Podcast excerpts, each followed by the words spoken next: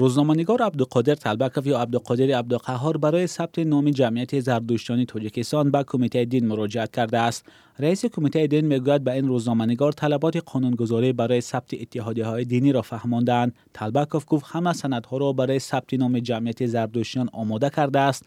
تنها از شهرداری دوشنبه نمی‌تواند معلومات نامه دریافت کند.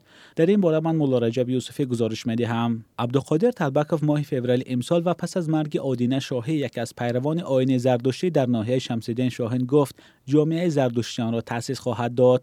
سلیمان دولتزاده رئیس کمیته دین و تنظیم انعنه یکم اوکوس در حضور خبرنگاران گفت عبدالقادر طلبکوف نه به شکل خطی بلکه شفاهی به این نهاد مراجعت کرده است. دولتزاده افزود. خود طلبکوف بله برای ثبت همچون یک اتحادیه دینی به کمیته مراجعت نمود نه به شکل خطی فقط اومد و اون نفر شرط و شروط رو گفتن که باید مثلا کدام نمودی حجت ها و کدام نمودی مثلا تهیه کرده شود. باید این دیگر مراجعت نکرده است. حقوقشناس کمیته دین در این نشست گفت بر اساس قانون درباره آزادی وجدان تنها آن اتحادیه دینی رسما ثبت می شوند که حداقل ده مؤسس داشته باشد. این نامه روی خط هیئت مؤسسان و معلوماتنامه از مقامات محلی درباره موجود بودن پیروان تشکیلات دینی در دوام نه کمتر از پنج سال اخیر از طلبات های دیگری قانون برای قید رسمی اتحادی های دینی در تاجیکستان می باشد عبدالقادر طلبکوف یکم اوگوست بر رادیوی آزادی گفت همه سندها را برای ثبت نام جمعیت زردشتیان آماده کرده است. تنها از حکومت دوشنبه نمی تواند معلومات نامه بگیرد. در این معلومات نامه باید شهرداری دوشنبه بودن پیروان دین زردشتی را در حدود پایتخت تصدیق کند.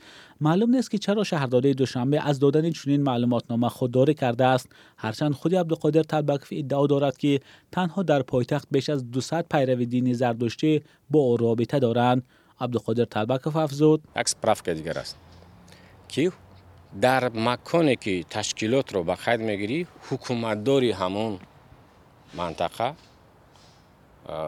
باید موجودیت تو رو تصدیق کند یعنی مثلا سرپرستی سوهای دین حالا عادلزاده دلبر معاونی رئیسی شهر دوشنبه من به اون کس مکتوب نوشتم 18 نفر رو با صورت با سراغه جای زیست که ما, ما در دوشنبه زردشتی هستیم.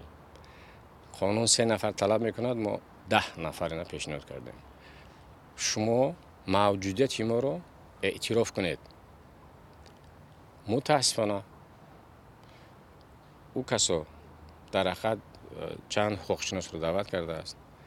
ولی همین گواهنامه تا به من تا, تا به حال به من ندادن. اعلان عبدالقادر طلبکوف درباره گرویدن به دین زردشتی و تشکیل جمعیت پیروان این دین قدیمی واکنش های زیاد را در جامعه سنتی تاجیکستان به میان آورد. این روزنامه‌نگار که نامش را به آریا مهر زردشت عوض کرده است می‌گوید پس از اعلانش درباره پیروی از آین زردشتی و تشکیل جامعه هماندیشانش تهدید و فشار و بدگویی در حقش افزود. گاه مجازی و گاه حضوری. مخالفانش او را برای ناخون زدن به احساس دینی مسلمان ها و تحقیر روحانیان سنتی تنقید می کنند عبدالقادر طلبک ففزود ازارهای لفظی و تهدیدها نسبت او کم شدند اما تا حال جای دارند. و گفت کم شدن ولی هستن. این آزاری روحی است.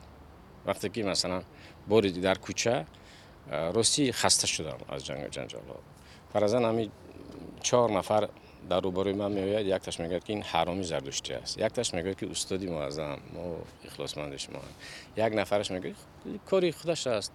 در پیش خداوند خودش جواب میگه ولی با همه این افتو درف کردن من خسته شدم واسه من همین پرده رو دراندم یخها رو آب کردم. همش خوب می شود عبدالقادر طلبکوف اولین نفر نیست که می‌خواهد جمعیت زردشتان تاجیکستان را تأسیس دهد پیشتر رودکی سمدی انجمن پژوهشی و فرهنگی مزده اسنان را در تاجیکستان تأسیس داد ولی در ماه ایول سال 2001 از طرف شخصان ناشناس کشته شد. در تاجیکستان 66 اتحادیه دینی غیر اسلامی فعال است. تقریبا 4000 مسجد پنج وقته جامعه و جامعه مرکزی نیز عمل می کنند